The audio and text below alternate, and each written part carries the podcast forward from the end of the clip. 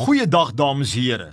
My naam is Kobus Tron en u is ingeskakel by die program Meer as oorwinnaars. Ja, met my hele wese glo ek daaraan dat die Here God ons wil help sy kinders om meer as 'n oorwinnaar te wees, te word en te bly. Maak nie saak wat jou omstandighede is nie.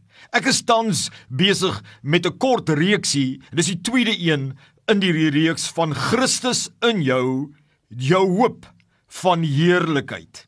En ek wil graag weer eens hierdie skrif met jou deel Kolossense 1 vers 27 waar die Bybel sê die volgende apostel Paulus sê die woorde hy sê Christus in julle die hoop van die heerlikheid. Engels Christ in you the hope of glory.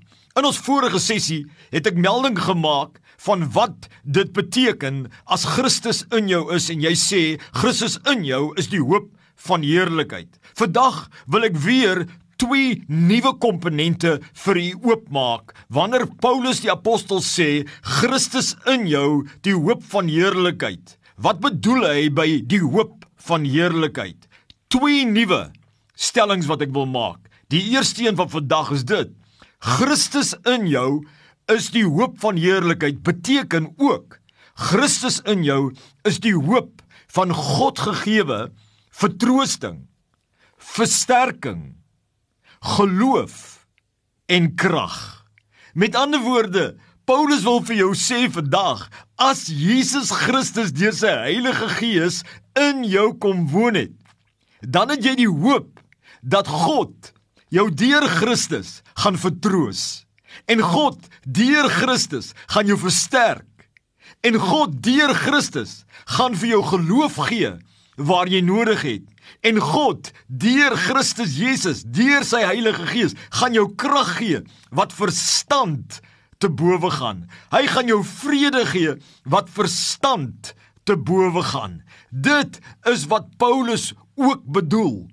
In die vorige twee het ek twee genoem wat ek nie nou gaan herhaal nie, maar ek wil fokus op hierdie een en nog eene dat jy kan jam eet saam met my uit die woord Christus in jou Die hoop van heerlikheid beteken met ander woorde vandag dat jy kan die hoop koester as hy in jou kom woon het.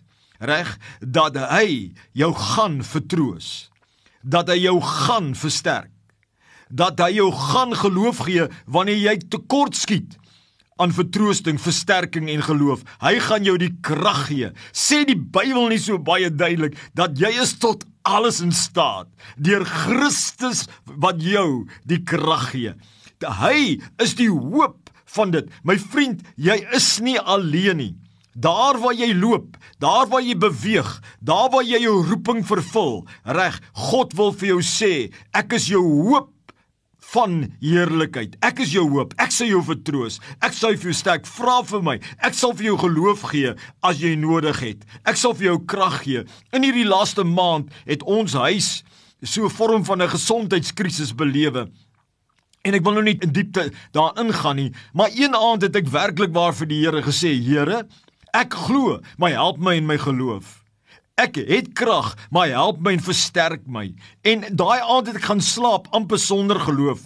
Maar die volgende oggend het ek wakker geword en omdat Christus in my is, kon ek hoop vir sy vertroosting, versterking, geloof en krag. En daar het 'n nuwe vertroosting in my gekom, 'n nuwe versterking, 'n nuwe geloof en 'n nuwe krag. Dit is die krag van Christus in jou, die hoop van die heerlikheid. Maar ook Wat beteken dit ook vierdens, tweede van vandag? Christus in jou, die hoop van heerlikheid, beteken ook die hoop van God gegeewe liefde.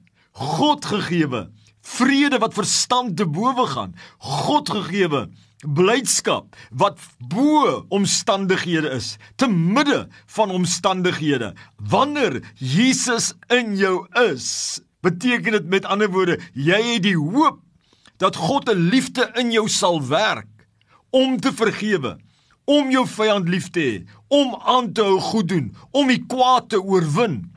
Want hy is die liefde en hy sal jou 'n vrede gee wat verstand te bowe gaan. En hy sal vir jou 'n innerlike blydskap werk in die midde van jou omstandighede. Ek word herinner aan die apostels wat in die tronk gegooi is en hoe hulle met vreugde en blydskap daar was en lofsinge aan die Here gesing het. Ek wil jou herinner aan wat die Bybel sê, wanneer jy jou sorges na die Here toe bring, sal God vir jou 'n vrede gee wat jou sinne sal bewaar. Ek wil jou herinner aan die Bybel wat sê dat die Heilige Gees sal die liefde van God in jou hart uitstort. My vriend, jy is nie alleen nie. Jy het die reg om te hoop en jy weet en jy kan verwag positief dat God jou vol liefde gaan maak om die kwaad te kan oorwin vol vrede dat jy dat jy kan vrede in jou hart en blydskap wat verstand te bowe gaan ek kan getuig. Hy is my hoop van heerlikheid. Hy is my bron van liefde vrede en blydskap. Hy is my bron van vertroosting versterking geloof en krag. Net omdat hy in my is is hy in jou.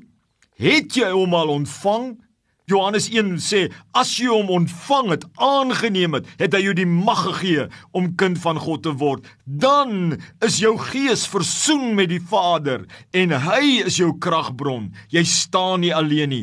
Hou vas aan jou hoop omdat Christus in jou is. En as Christus nog nie in jou is nie, gaan en ontmoet iemand anders wat jy weet 'n bedienaar is of 'n kind van God en gee jou hart vir die Here. Ontvang hom want hy is jou hoop van jou lewe.